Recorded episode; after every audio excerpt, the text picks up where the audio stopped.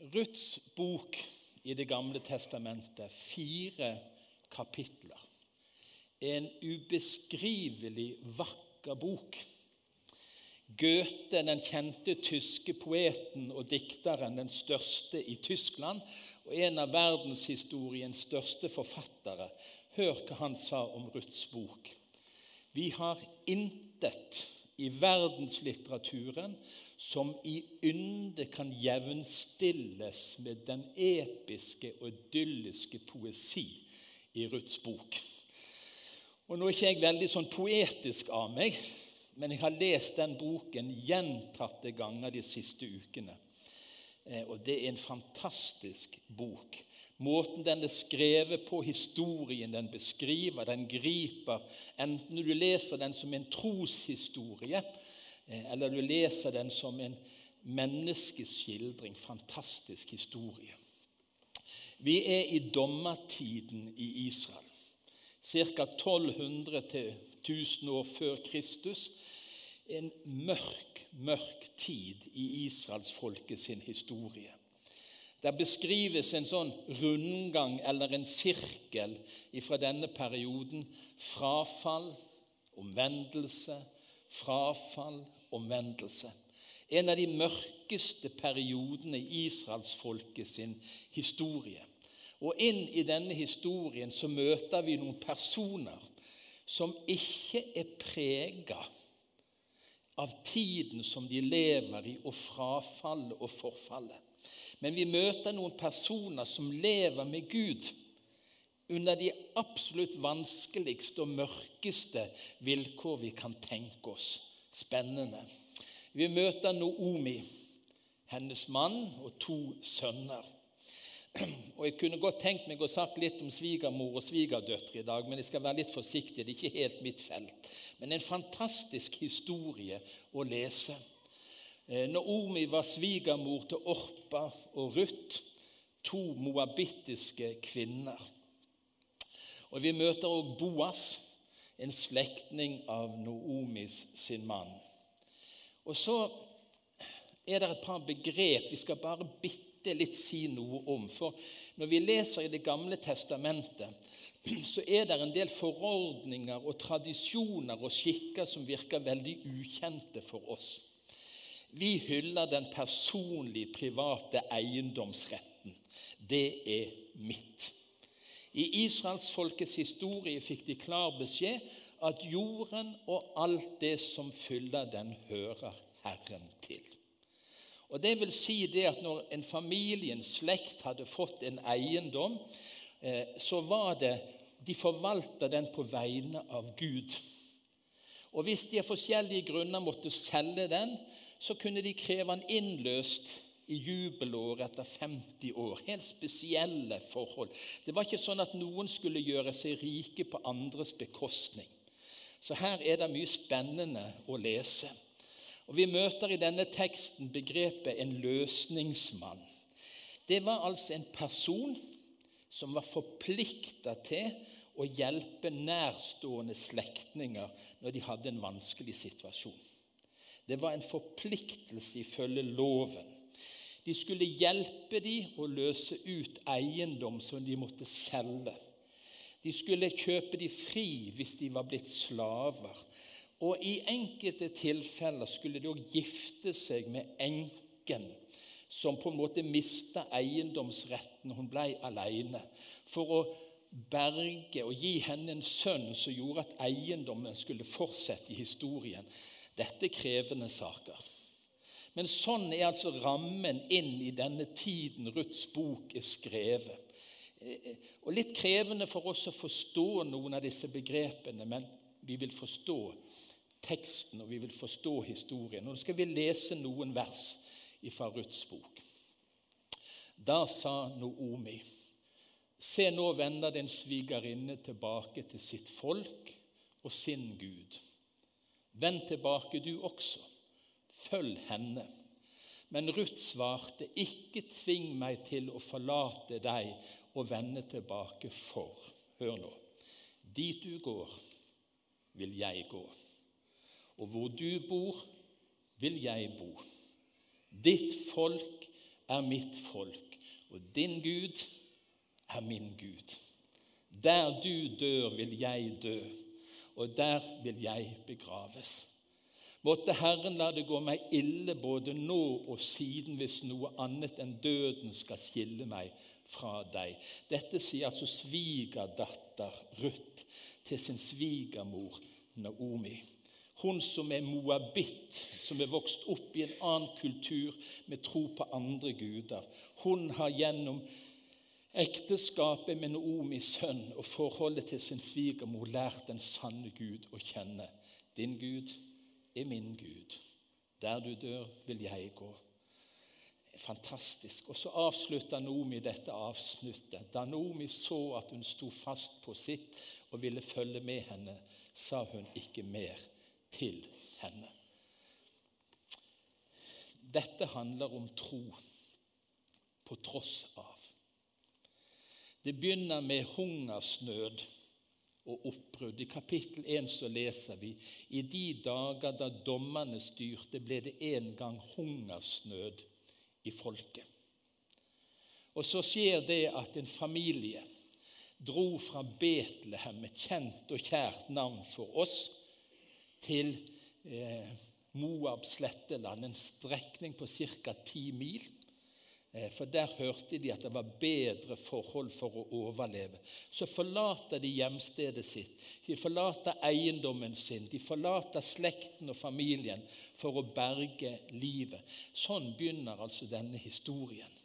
Men dette er bare begynnelsen på nedturen. Dette er bare begynnelsen på det krevende som denne familien møtte. For det fortsatte, sier Bibelen, med dødsfall. Så døde Elimelek, Noomis mann. Så døde også de to sønnene. Nå var de gift med Orpa og Ruth, og så dør først mannen. Kanskje var reisen for krevende, kanskje var de allerede utsulta. Det forteller ikke Bibelen noe om.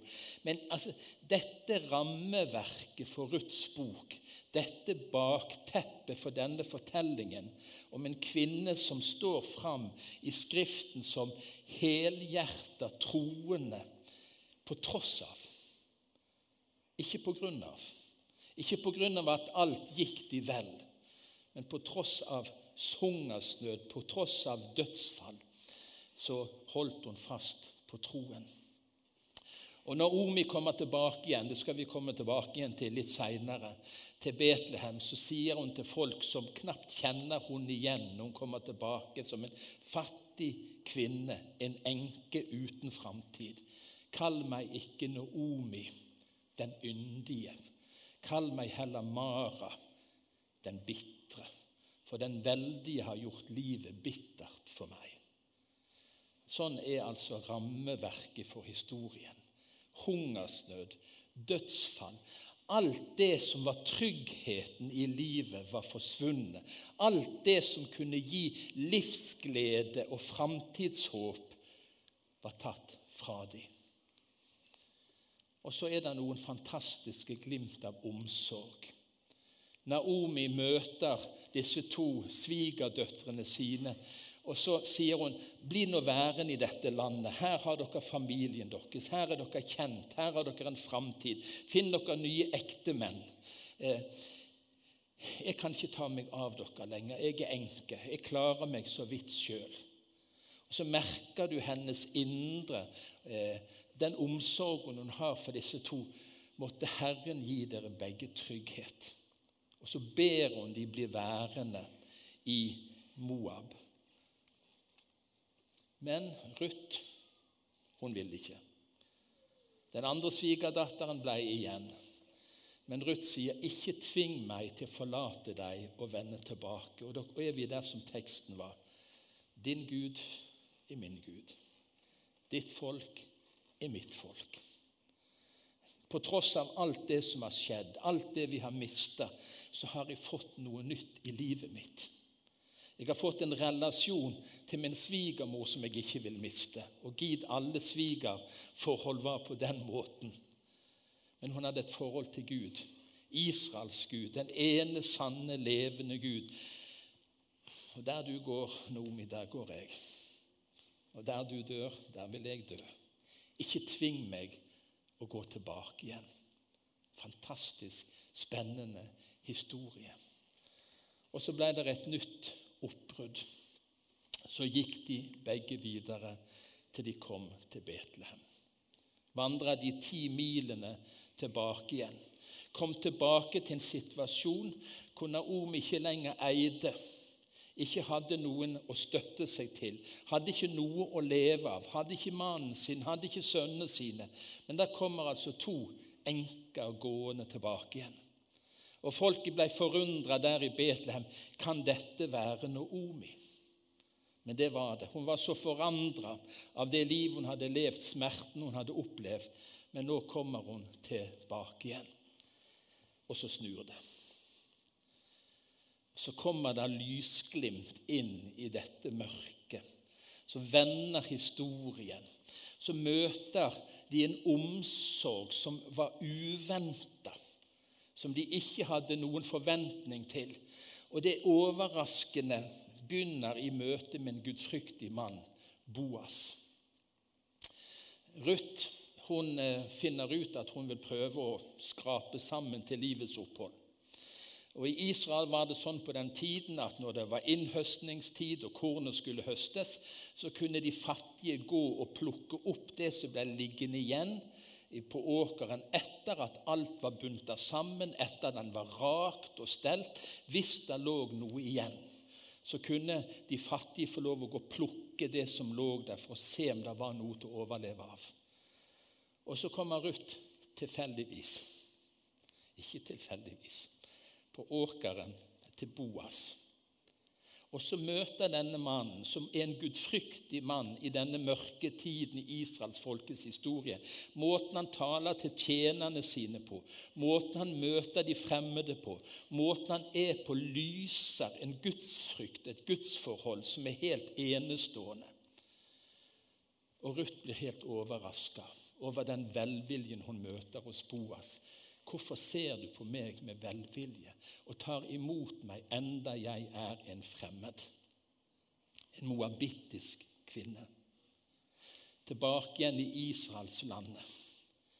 Og Der møter hun en med et hjerte, med en gudsfrykt som gjør at han forholder seg òg til fremmede på en helt spesiell måte. Og Dette taler så òg inn i våre liv, hvordan vi skal møte fremmede mennesker som kommer til oss. De kommer ikke fordi de alltid har valgt det. Det er ikke fordi de vil surfe på en medgangsbølge. De kommer med en historie av sult, av krig, av nederlag, av tapsopplevelser. Og så kommer de til oss. Enda en fremmed, sier hun til Boas. Så åpner han opp og Så gir han henne mye mer enn det hun noen gang kunne tenke seg. Bare bli her. Arbeid sammen med tjenestejentene mine. Gå sammen med de. Og til disse tjenestejentene sier han slipp noen ekstra aks ned, så hun kan få litt å plukke opp. Og ikke bare det, når de eh, er tørstige i varmen, drikk sammen med tjenerne mine. Spis sammen med oss så inkluderer han på en helt unik måte en fremmed kvinne og gir henne en verdi som hun blir helt ikke frustrert, men overraska eh, og oppmuntra av. Og så merker vi at det skjer noe i Naomi sitt liv. Hun som het den yndige, men ville kalles den bitre. Det skjer et eller annet når Ruth kommer og forteller hvordan hun er blitt møtt av Boas. Hvordan hun har fått mat, hvordan hun har fått drikke, hvordan hun er blitt velsigna.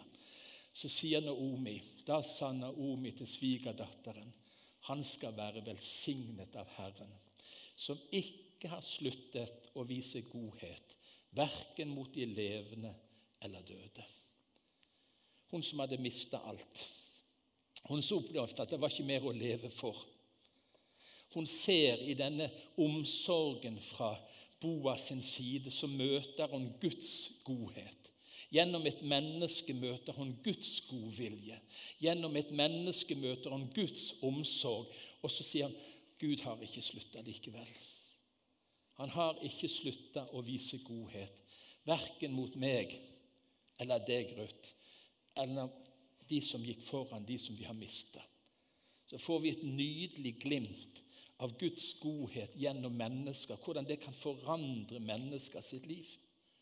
Og Det er skrevet om Ruths bok at den er en av de sterkeste fortellingene hvordan enkeltmennesker kan få betydning for andre. Og ikke bare for andre mennesker, men for en hel nasjon. Og etter hvert skal vi se for hele historien. Og så er altså Boas, som hun tilfeldigvis møtte på åkeren. Det var mange åkre å velge i, men hun valgte altså Boas sin åker. Så er han en av løsningsmennene, en av slektningene, men ikke den aller nærmeste. Det er sant at jeg er løsningsmann, sier Boas, men det er en annen løsningsmann som er nærmere enn jeg. Han brukte ikke anledningen til å eh, forsere køen han var blitt begeistra for Ruth. Det er helt tydelig. Det ser vi når du leser denne historien eh, om disse personene. Men det er altså en annen som etter loven er nærmere.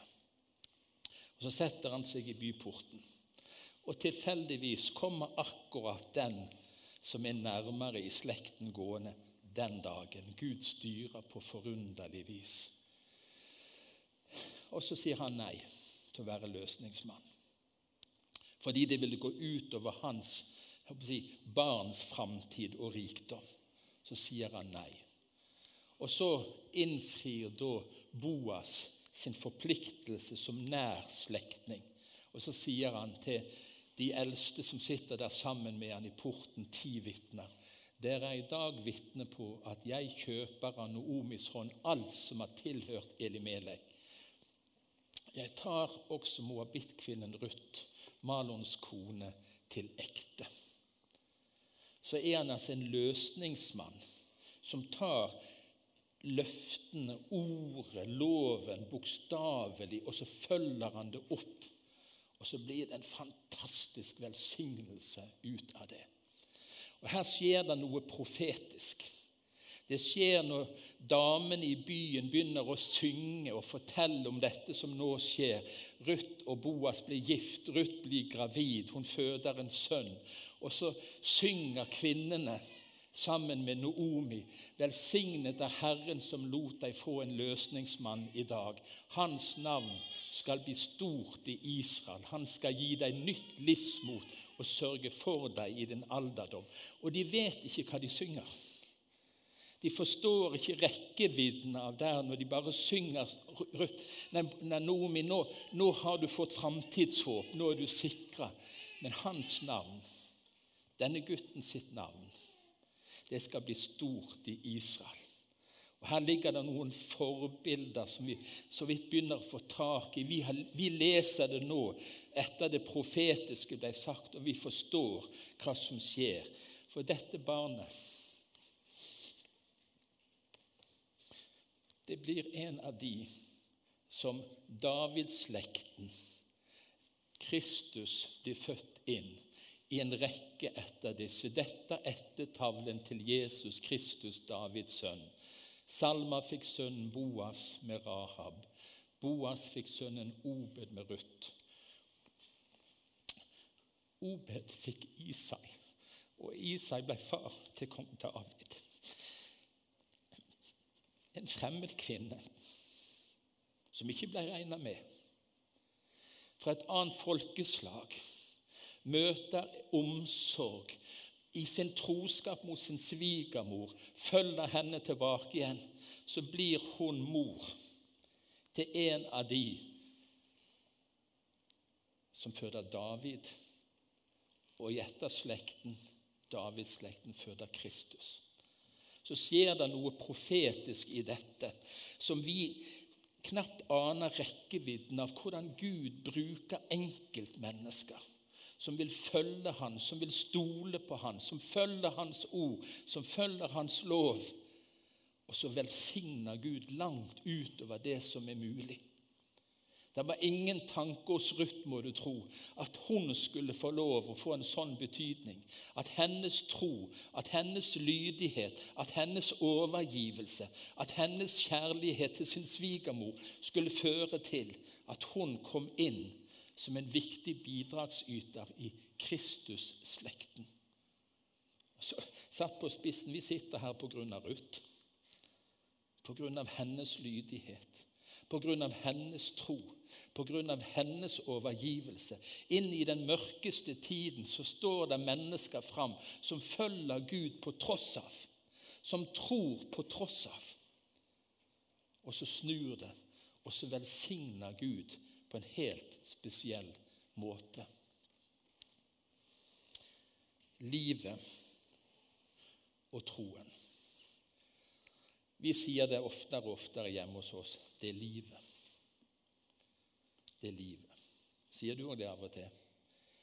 Når noe skjer som du ikke ønskte, når det uforutsette rammer, når sykdom rammer, når død rammer, når oppstår situasjoner som er krevende i våre liv, så sier vi det er livet. Det er livet. Jeg tror nok Ruth og Nomi mange ganger tenkte det ble ikke sånn som vi hadde tenkt. Jeg tror de stilte mange spørsmål. Hvor er Gud oppi alt det som skjer? Vi har holdt oss til Hans ord, vi har holdt oss til Hans løfter. Vi har prøvd etter fattig evne å vandre på Hans veier, men det som møter oss, er tap, utfordringer, smerte og sykdom. Og sånn er våre liv òg. De er det.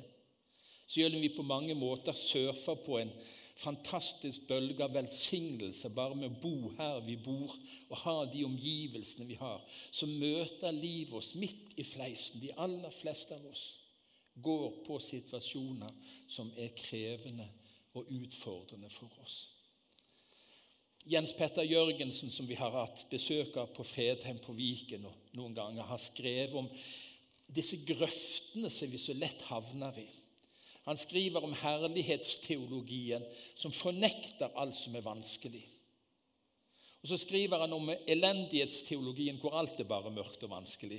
Kan dere lure på hva grøft vi oftest har vært i? Eh, vi bekjenner alt som er bare nederlag og synd, at alt er så mørkt. Så skriver han om en ærlighetsteologi som tåler livet. Ruths bok er boken om ærlighetsteologi. Ruths bok er boken om at det går an å tro i mørket. Det går an å tro i motstand. Det går an å tro i motgang. Det går an å tro under tap. Der du går, der går jeg. Din Gud er min Gud. Der du dør, der vil jeg dø. Fordi det har skjedd noe i mitt liv i møte med Gud. På tross av alt som har skjedd, så tåler troen livet. Vi tror på en Gud som er med oss gjennom alt det som skjer. Tenker du jeg skulle ha følt det litt mer av og til? Jeg skulle likt å kjent det litt mer av og til. Erfart det. Men vi tror på den Gud som Ruth og Naomi trodde på. Vi tror på den Gud som er med gjennom alt det som skjer. Vi tror på en Gud som er prøvd av livet sjøl. Vi tror på en Gud som sjøl var flyktning som barn. Vi tror på en Gud som ble forfulgt. Vi tror på en Gud som ble korsfesta. Vi tror på en Gud som ble spytta på. Vi tror på en Gud som tålte motstand. Vi tror på en Gud som kledde seg i kjøtt og ble et menneske. Prøvd i alle ting. En sånn Gud tror vi på. Han vet hvordan du har det. Han vet hvordan vi har det.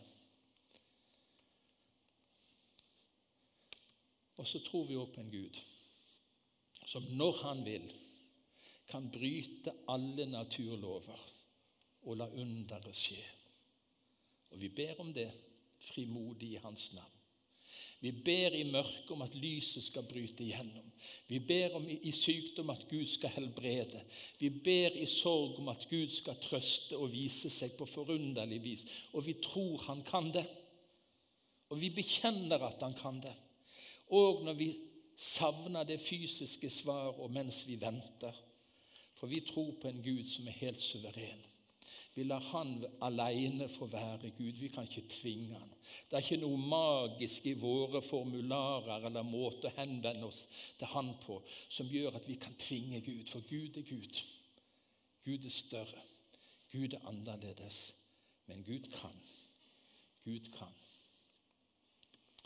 Og vi tror at om ikke vi ser og forstår fullt og helt her, så skal vi en dag se med nye øyne.